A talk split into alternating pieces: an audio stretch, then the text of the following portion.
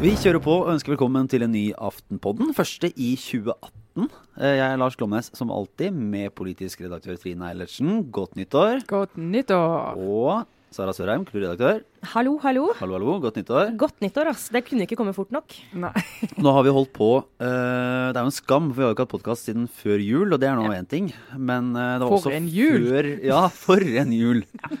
Og nå, nå kan vi la gaver være gaver, uh, og, og bare konsentrere oss om politisk drama. Og det var jo ikke, det var ikke fritt for at det påvirket julen hjemme hos noen av der, men fordi forrige podkasten vi hadde, var rett og slett onsdagen før Trond Giske beklaget sin oppførsel. Ja, altså, eh, kanskje den dårligste timingen eh, mediehistorisk sett eh, noensinne. Fordi vi hadde vel omtrent akkurat spilt inn sendinga da denne pressemeldingen fra ledelsen i Arbeiderpartiet kom.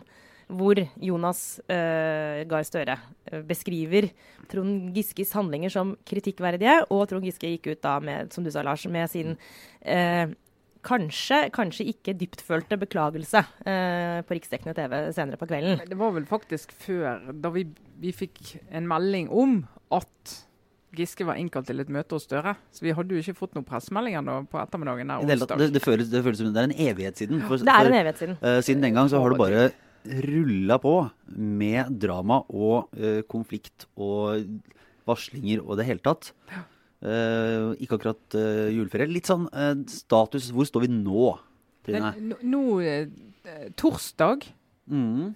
Ja, det er viktig nå. altså. Ok, ja, det er sånn uh, må være helt nøye på torsdag. Ja, fordi om tre timer så ser det helt Torsdag, annerledes ut. ja, for det, hvis, hvis vi nå bommer, så skal vi bare si at dette ble tatt opp torsdag formiddag. Ja, eh, Mandag er det sentralstyremøte i Arbeiderpartiet igjen, og forventningen er at der eh, får Trond Giske fyken som nestleder. Vi kan iallfall slå fast, slå fast at hvis han ikke får det, da kan man bare mm, se på en eh, gjørmebryting i det partiet som er helt utvilsomt veldig skadelig for partiet. eh, som vil bli dratt ut i liksom virkelig sånn Altså vi snakker seigpining. Denne historien er nødt til å få en i hvert fall midlertidig konklusjon. Og ut Eh, ifra, ja. den pressekonferansen som, som ble holdt da etter sentralstyremøtet 2.1, uh, så er det litt vanskelig, ifølge de fleste kommentatorer, de eh, som sitter her inkludert, å, å se at Støre skal snu. For der var han jo veldig Der han, eh, der han før jul ble anklaget for å være litt uh, ullen og uh, avventende, så var han jo ganske tydelig på den pressekonferansen på at eh, på at han måtte gikk, gikk tydelig inn, sa liksom, tror på varslerne. Det, Trond Giske er, er, eh, er, hva er det, fritatt, eller altså Suspendert. Ja, han ville ikke helt bruke suspendert, tror jeg, men ja. fritatt av den lille fine uh, betegnelsen der på ubestemt tid, og det kunne i teorien være helt fram til landsmøtet i 2019. Mm. Og at det var Støres egen beslutning om Giske ville ha fortsatt tillit og fortsatt kunne sitte som, eh, som nestleder. Ja, Det var åpenbart at han var opptatt av å fremstå som liksom, handlekraftig, og, og liksom gjentok sånn 'det er jeg som er sjefen'. Eh, Og så kan man jo si at når du må si at det er jeg som er sjefen, så har du i utgangspunktet et problem. Den autoriteten bør du egentlig ha naturlig som, Ja, eh, som leder. Men, men det har jo skjedd Jonas har virkelig brukt juleferien, bortsett fra at han selvfølgelig ikke har hatt så veldig mye juleferie, da, men på å vokse inn i denne delen av lederskoene. da. Mm. Eh, for det er før jul, da var han eh, fredag før jul, da han eh, var i NRK, blant annet. Jeg møtte han her, var, han var i Politisk kvarter, jeg var i Politisk kvarter. Det var jo en slagen mann. En helt utslitt mann. Helt eh, blass og grå og tung i blikket mann. Eh, som var opptatt av at det er landsmøtet som avgjør hvem som er nestleder i Arbeiderpartiet, som det jo formelt er. Eh, som eh, var opptatt av å snakke masse om ordvalgene og litt sånn vekting og hensyn, og nå må vi bruke tid. Og du vet, altså For en del av de dette angår, varslerne og en del andre, de, de, de fikk jo et eksem. Jo helt, de ble så rasende for at det virket så så passivt og avventende. Og så har han brukt julen på å komme dit han er nå, at eh, jeg er sjefen, dette må avsluttes, det må avsluttes snart. Eh, og tilliten har jo forsvunnet minutt for minutt. Rett før jul så sa han jo òg Trond Giske har lite å gå på. Og så Da tolker jo alle det som at kommer det mer enn nå, så er det rett ut. Mm. Og det har det jo kommet, da. Jeg vet ikke vi kvaliteten på det, eller hva det er, men det har jo kommet. Det har han bekreftet. Mm. Og han sier også at han tror på alle varslene. Mm. Og da, da er det jo egentlig do the math, som det heter. Ja, og da, da kan du si at Selv om han definitivt fremstår som mer handlekraftig nå enn han gjorde før jul, så er det fortsatt en viss dobbeltkommunikasjon i Støres uh, uttalelser. fordi, som du er inne på, Trine, hvis du, hvis du sier A, nemlig 'jeg tror på varslerne', så er konklusjonen da kan du ikke ha den nestlederen. Og da du, kan du også velge. Det har ikke han valgt å gjøre, men han, han, kunne da sagt jeg har ikke lenger tillit til Trond Giske som nestleder, og likevel anerkjent at det formelt sett er et landsmøte som velger partiledelsen, men at man kunne vært helt tydelig på at som leder så må jeg si at dette har gjort at jeg har mistet tilliten til Giske. Og, og det kommer nok til å skje. Ja. Det, vil, det, vil, overraske meg veldig hvis det ikke skjer. Og så vil noen mene at det burde ha skjedd for halvannen uke siden. Ja. Noen inkluderer jo deg. Gjør du ikke det, Trine? Ja, altså jeg, jeg, jeg, tror, jeg tror, faktisk ikke at uh, det hadde vært så klokt av Støre å måtte si det. Men jeg syns at Giske skulle sagt 'jeg trekker meg'.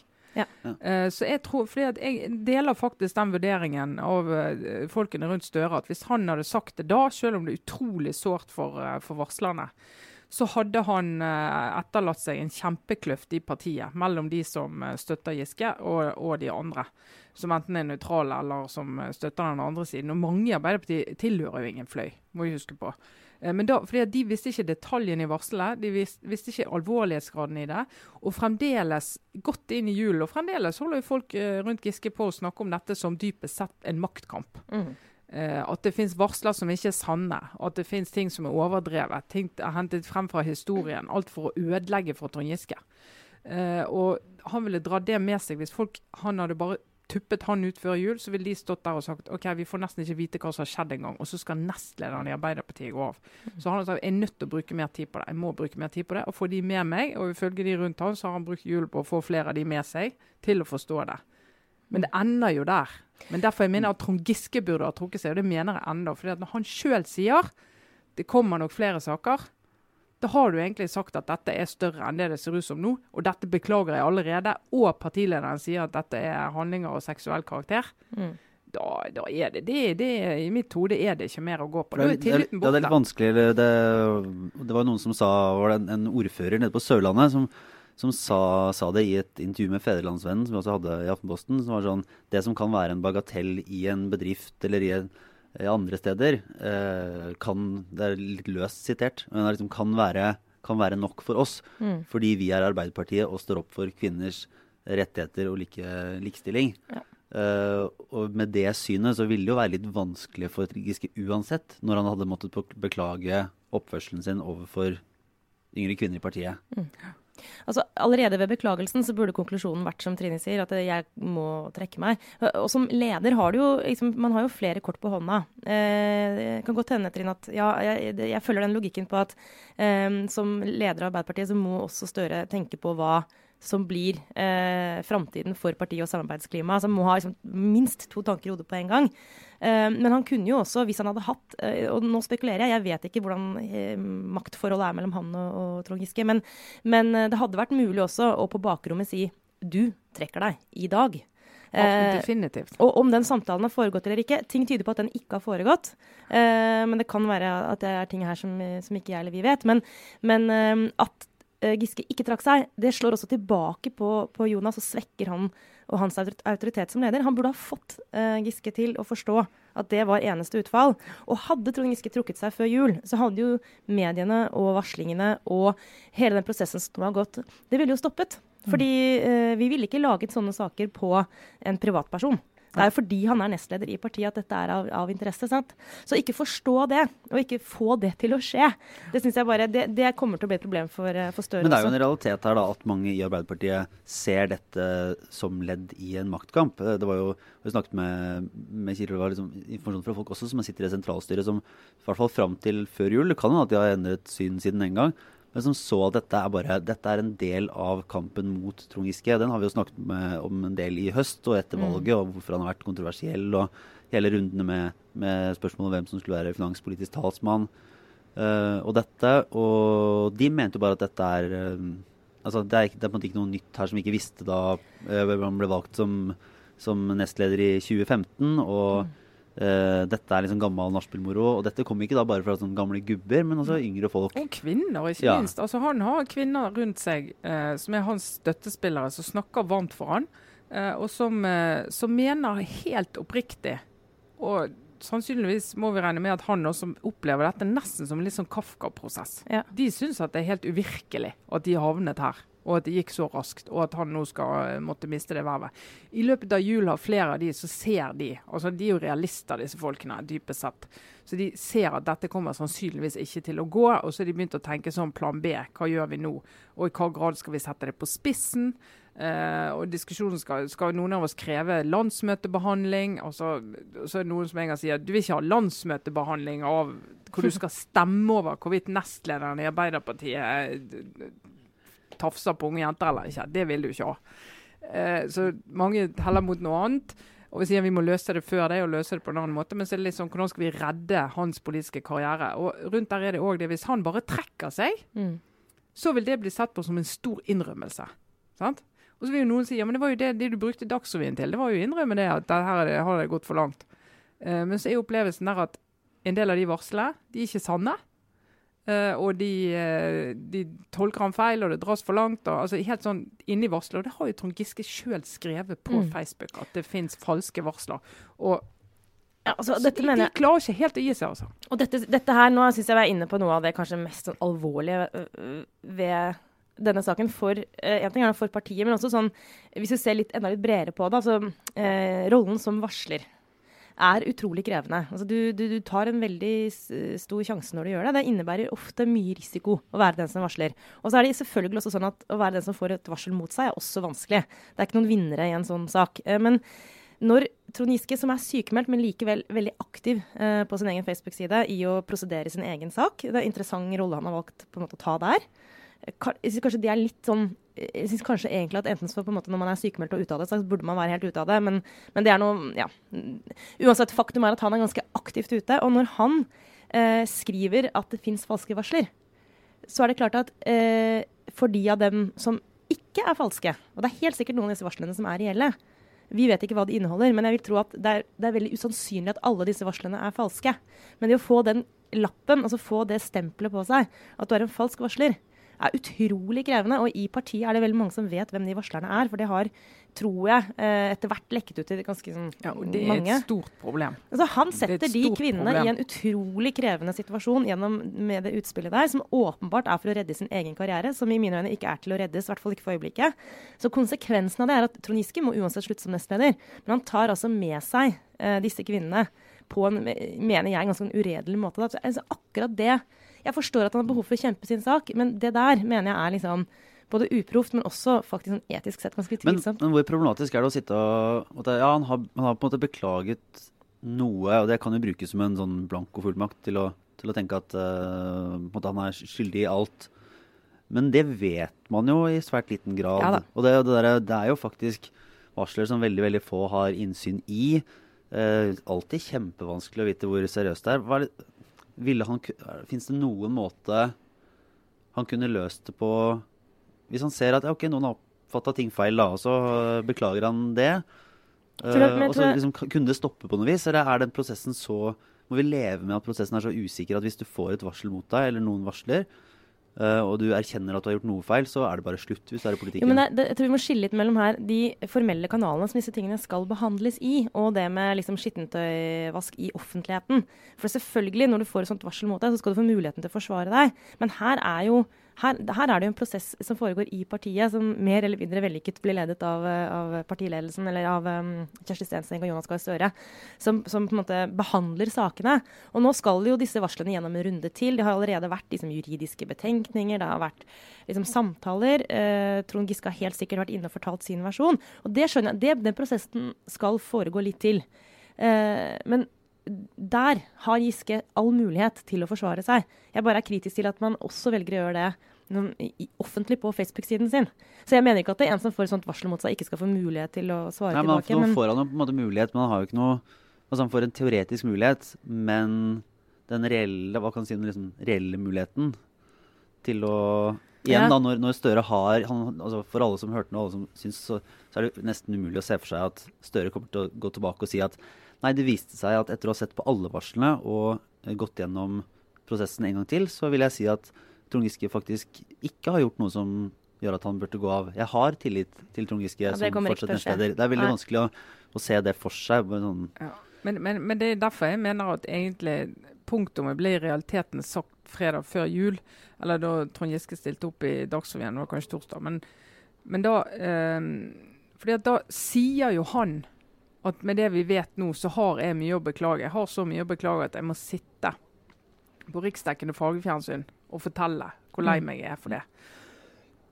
Unnskyld. Ja, men når du, når du har havnet der, altså når du først har kommet dit hen, at du må liksom eh, gå kanossagang opp til Nina Oving og si sånn 'jeg har gjort ting', og når din egen partileder rett etterpå også sier at det er hva var det Støre brukte som eh, beskrivelse? Upassende seksuell atferd, var det det? Ja, uønsket oppførsel. Uønsket, det uønsket altså, oppførsel av seksuell karakter. karakter. Ja. Der var det. Altså når, du, når, du, på en måte, når du er der, så er jeg helt enig med deg, Trine. Da, liksom, da er du i grunnen ved veiens ende for nå. Da burde konklusjonen Den ligger snublende nær. At da hadde det beste for En ting er nå for Trond Giske personlig og partiet, men kanskje også for de rundt ham. Si at det da er konklusjonen at nå må jeg fratre som nestleder. Og så får vi heller se om han noensinne liksom kan komme tilbake. Men det, det var jo det som hadde vært den logiske slutningen. Den er jo, men vi har jo for eh, bare litt, litt annet, men det er bare en overgang, da. eh, Bare til en annen del av dette komplekset. Fordi vi snakket jo rett før jul, snakket du veldig varmt om eh, Eller litt spydig, og i hvert fall vi andre, om eh, Varmt og spydig. Nei, det var litt, Vi fikk litt delte tilbakemeldinger på det, da, fordi du snakket om pilotfrue. oh, ja, ja. eh, som, eh, og bloggverdenen. Hva, og hvor skal du nå, Lars? nå skal jeg vet du, til min lille bloggfavoritt. Ja! Leif. Eh, Leif Sande, eh, mangeårig LO-topp, eh, leder i Industri Energi, Ja. eh, kom han med et normalt valgresultat, så hadde han vært inne på fast mandat på, fra Hordaland. Mm.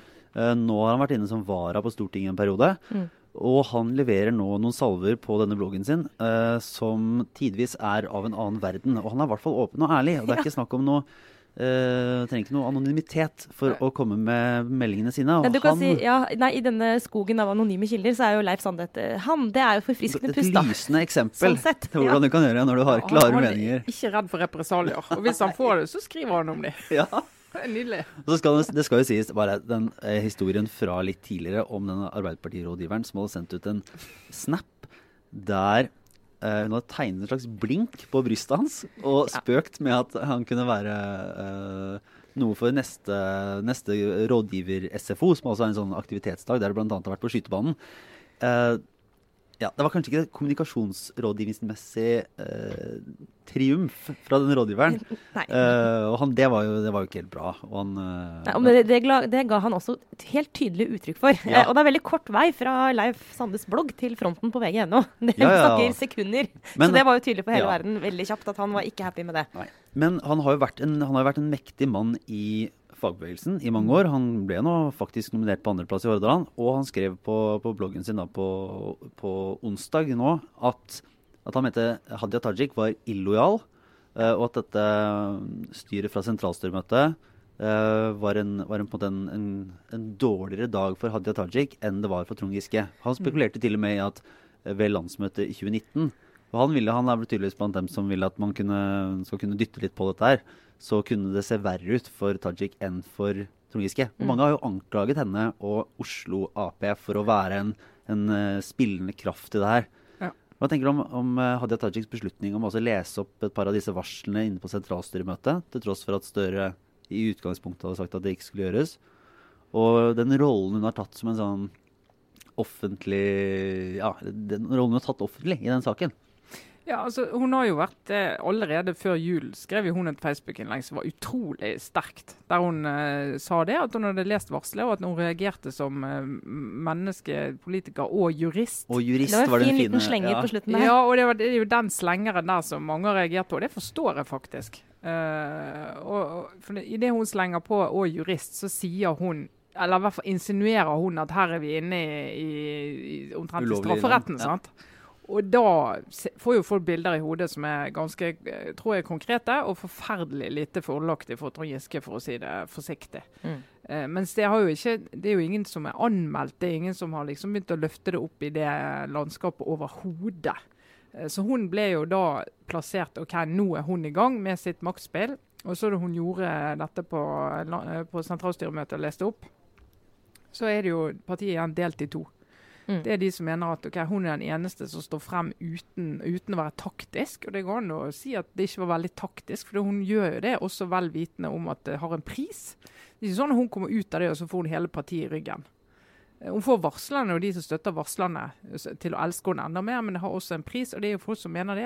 Jeg har fått e-post fra folk eh, i Arbeiderpartiet som sier det. Vi kan ikke ha noen av disse nestlederne. Mm. Vi kan ikke ha en nestleder i Arbeiderpartiet som spiller på denne måten her.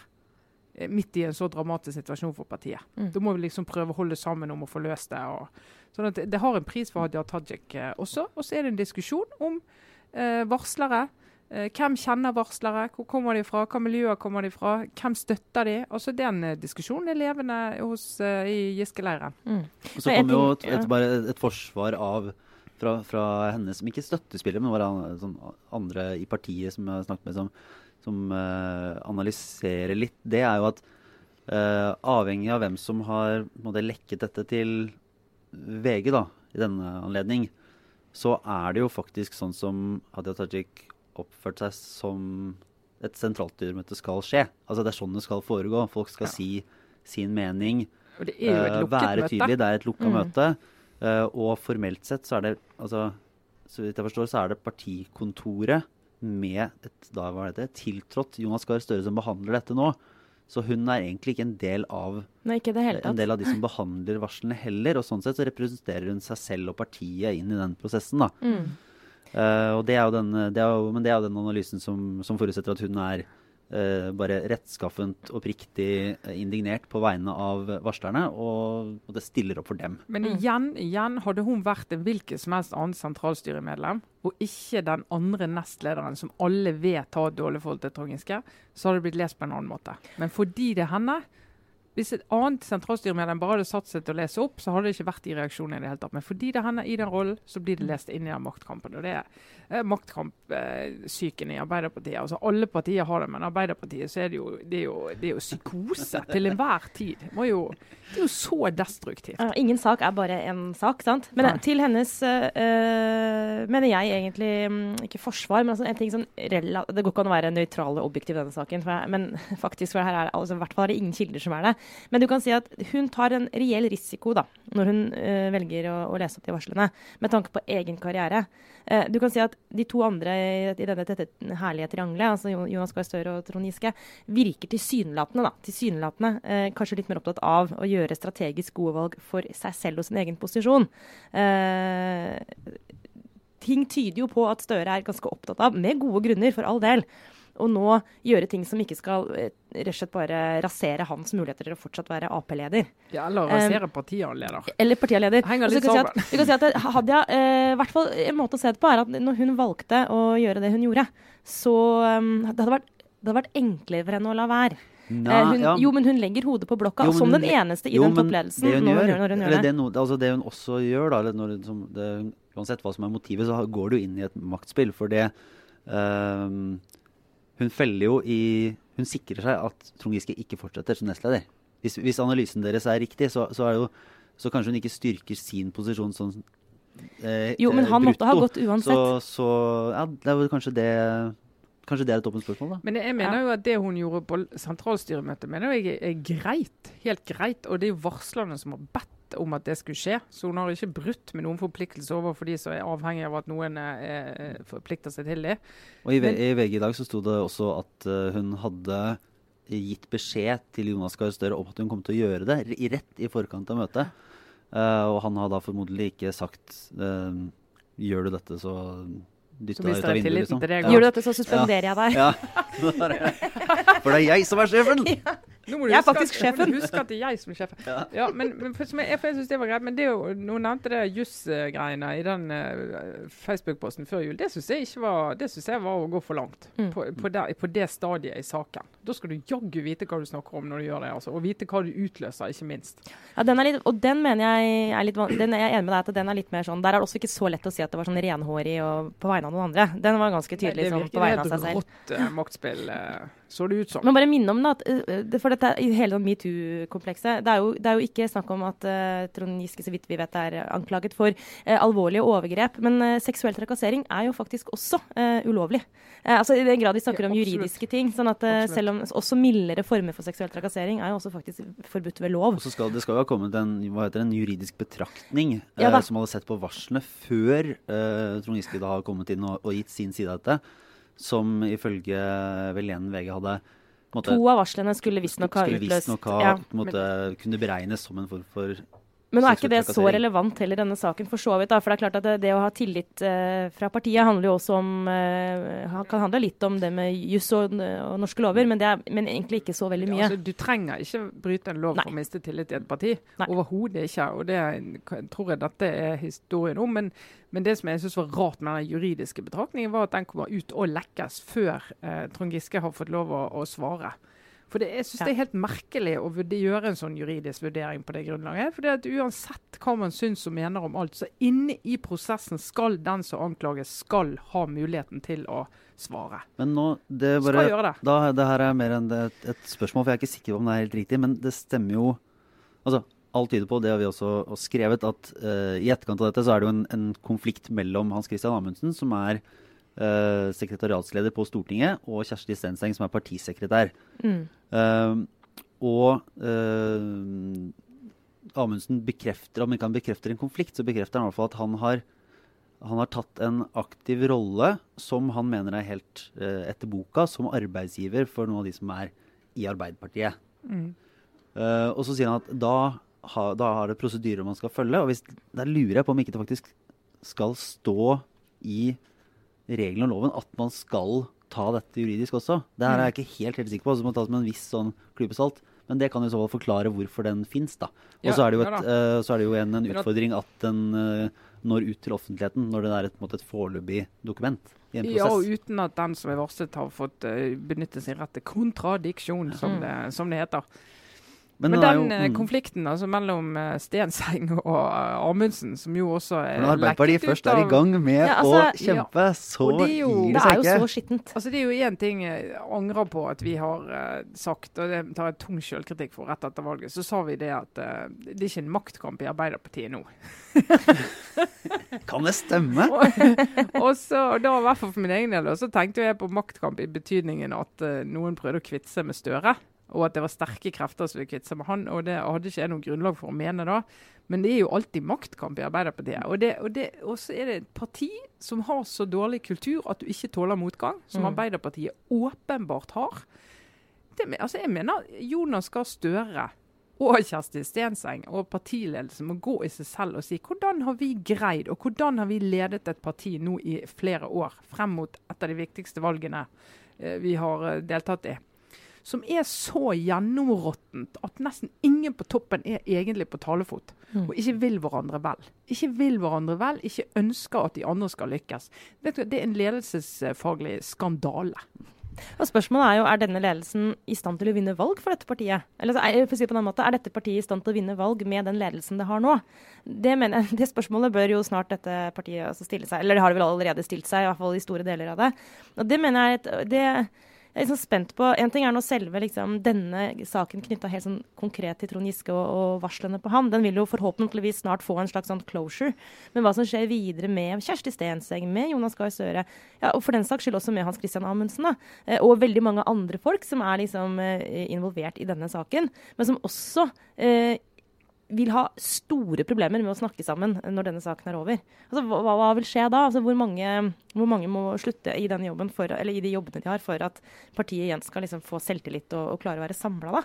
Jeg, tror ikke det liksom er over med ja, at Trond Giske trekker seg. Du må bytte litt folk. Altså, husk at Senterpartiet de lå jo helt på felgen med denne konflikten med Navarsete og Ola Borten Moe. Uh, og de var utryddet blant ja. velgerne. Ja. Mens plutselig noen år etterpå så er de et 10 %-parti. Eh, sånn at det kan jo snu ganske raskt, men an på hvor dyptgripende problemene er. Og I Senterpartiet så handlet det jo ikke Ja, du snakker om liksom to fløyer i Senterpartiet og alle partier. Ingen partier er så små at de ikke kan ha flere fløyer. Bare se på Venstre. Det, kan, det er ofte sånn at hvis det er et veldig lite parti, så blir det flere fløyer, faktisk. Hver person en fløy. Jo mindre de er, faktisk.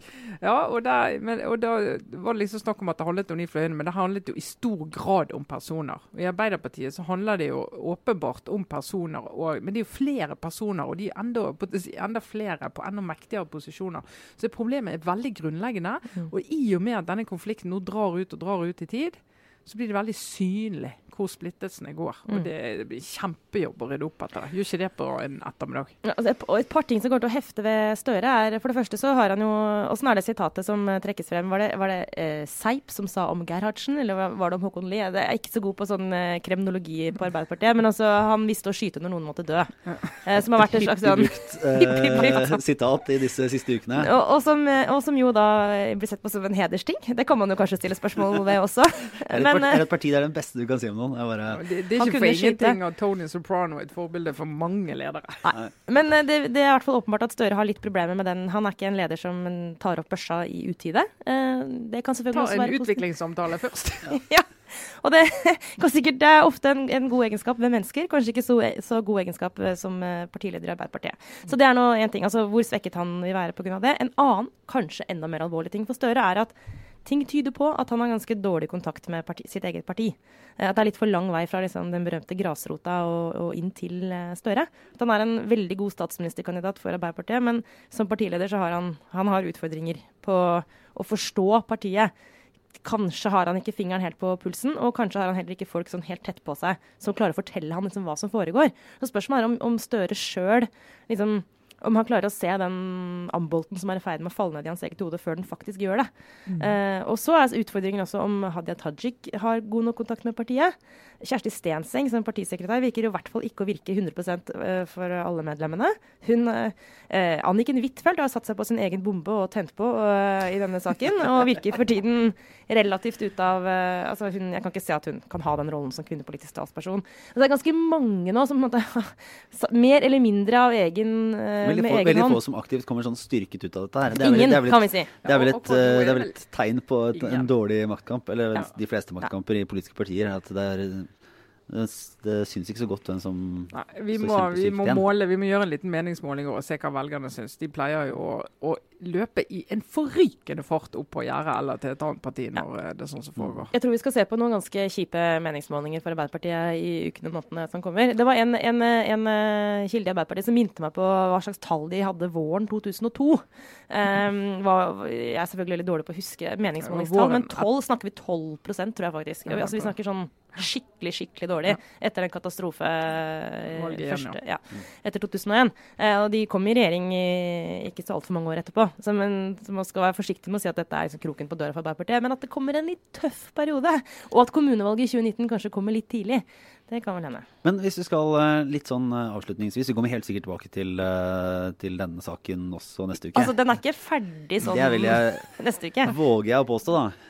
Men, men, det har jo vært også litt kritikk av mediene fordi mange det har blitt kommet fram at har, altså, historiene om Trond Giske og oppførsel som kanskje ikke har vært helt per kasse, har jo da florert. Det har jo vært så vidt innom også tidligere, før, før dette måte, eksploderte, så å si. Uh, hvor mye selvkritikk må mediene ta på om man ikke har klart å få tak i dette før? For det, det, som, det som, har vært løfta fram av historier, er jo mye som går skal, Noen av varslene skal være nye, men, men andre eh, dreier seg også om, om, historier som går langt tilbake. Og som må forvente ja, ja. at noen har, har, visst om. Ja, altså Vi har jo hatt en sterk, på mange måter god tradisjon i Norge for å, å eh, ligge unna det vi regner som litt sånn privatpersonen politikerne. sant? Mm. Uh, og om folk har et litt sånn uh, hva skal jeg si, urolig privatliv, så skriver ikke vi om det med mindre vi mener at det har politisk relevans. Vi har veldig høy terskel for ja, å skrive om det. Uten at man skal påstå at norske politikere er spesielt mye utro, f.eks. For, for det, det, er Nei, ikke det, det er så mange historier heller på det, men det, er, det, skriver vi jo egentlig ikke om. Nei, vi skriver ikke om det. De er sannsynligvis akkurat like utro som resten av befolkningen. Ja. men vi skriver ikke om det, uh, så i utgangspunktet. Men så tror nok jeg at vi har hatt for høy terskel for å gå inn i en del av disse sakene her. Uh, og En del av de historiene om uh, Trond Giske har jo handlet om folk på utsiden av partiet. Uh, hvor man har da tenkt at ok, det er jo ikke, det er ikke maktovergrep, og det er ikke liksom en junior. og Det er ikke, altså det er liksom masse sånne grunner til at du ikke skal skrive om det eller begynne å jobbe med det. Men så har jo jeg jobbet i redaksjoner som har jobbet med saker hvor det har stoppet litt i at ingen vil fortelle om det. Mm.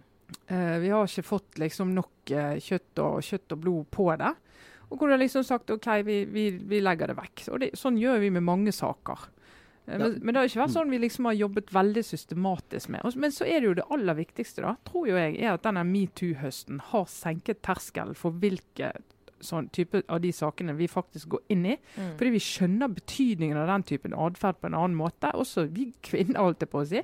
Og tror mange av oss kvinner både i politikken og rundt omkring, vi har jo snakket enormt mye om disse tingene her som er, som et sånn tema. Så det er jo bare sånn det er. Litt sånn som man snakker om ting på barselavdeling. Ja, liksom sånn det er sånn vi snakker om. Ja. Og for det mannlige journalister også, som jeg snakker om, de har jo, de, en del av de sier i fullt av dette har jeg aldri hørt om. Nei, vet du hva, Det er det berømte sløret som blir trukket vekk fra øynene. Mm. For det, det, er en del ting som liksom tilhører liksom kvinnefellesskapet. Eh, og de tingene skal du slippe å høre om, Lars. Noen av dem som er litt sånn ref barselavdelingen. ja, som er litt sånn Ja, dette skjer med oss. Halvparten av uh, jordas befolkning, vi opplever sånne ting. Ja, ja. ja altså, noen ganger så har liksom dette, tror jeg, uh, denne tematikken rundt metoo vært liksom litt sånn. Altså vært litt sånn der, Vi vet det, vi kvinner, men det har liksom ikke vært helt naturlig å ta det ut i det store offentlige rommet. Ja, liksom himla litt med øynene, og han er noe sånn, og, ja, husk, husk, å ikke havne alene med den og den på bar, og da må ja. du komme hjem når du ser at alle er godt. Altså, Sånne ting sånne fins jo i alle miljøer. Det tror jeg vi også har vært litt sånn ja, men er det en sak, liksom? Jeg har ikke helt sett at det er en sak. sant? Ja, og det tror jeg er helt sånn, Der, der, har det skjedd en helt reell endring. Jeg merker det på meg sjøl. Det, det, er liksom ting som jeg ikke trodde var en sak for et halvt år siden, ser jeg nå at åpenbart er det. Der må vi også ta litt sånn selvkritikk, samtidig som vi kan være litt sånn, eh, nikke litt vennlig til tidsånden. Og si sånn Så bra. at Jeg mener det er virkelig veldig bra mm. at uh, dette skjedde. En annen ting som er helt åpenbart en forklaring på hvorfor vi ikke har skrevet om denne saken før, er at kildene også av samme årsak. Eh, nå snakker, Veldig mange snakker nå som ikke gjorde det før. Også fordi det har vært Det er nå sannsynligvis et klima hvor det er lettere å fortelle om disse tingene, og det er tryggere å gjøre det enn det var for et år eller ti år siden.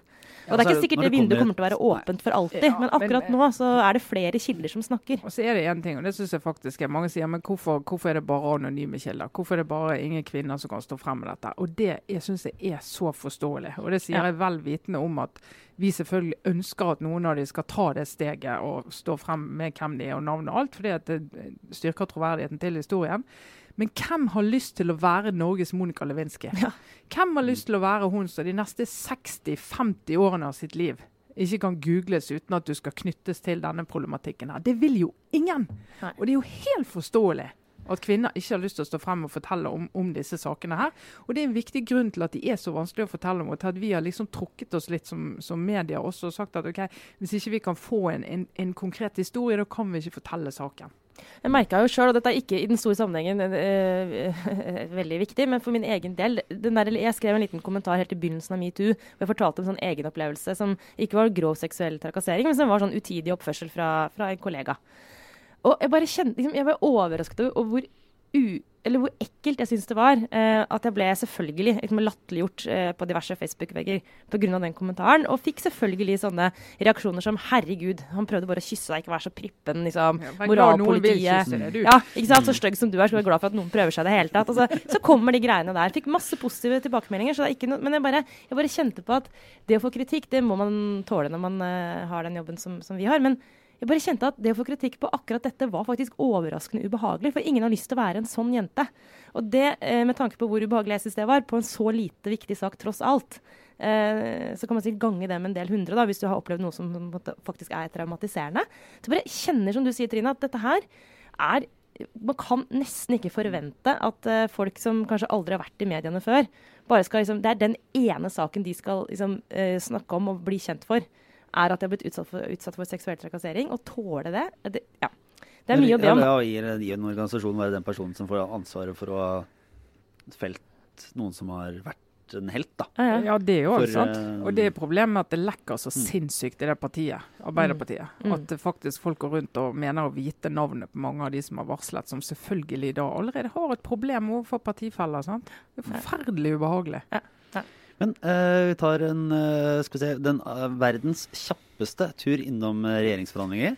Ah, de regjeringsforhandlingene, altså. Jeg kan bare, altså rent sånn, For det første, at de ikke klarte å legge et sentralstyremøte til først, i Arbeiderpartiet til i hvert fall første dag av regjeringsforhandlingene. da. Altså, de hadde, det var jo, ikke sant, 2. januar var sentralstyremøtet nå, og så var det 3. januar. Altså, jeg bare tenker sånn, de, Kunne de ikke i hvert fall bare prøvd å få i hvert fall litt sånn en annen sak, sånn at ikke alle, absolutt alle bare skal opptatt av Arbeiderpartiet? Ja, Men det var ikke håp om Men det var kanskje ikke håp. Ikke. Men eh, korte versjonen er at uh, det, er, det er jo ikke noe nytt.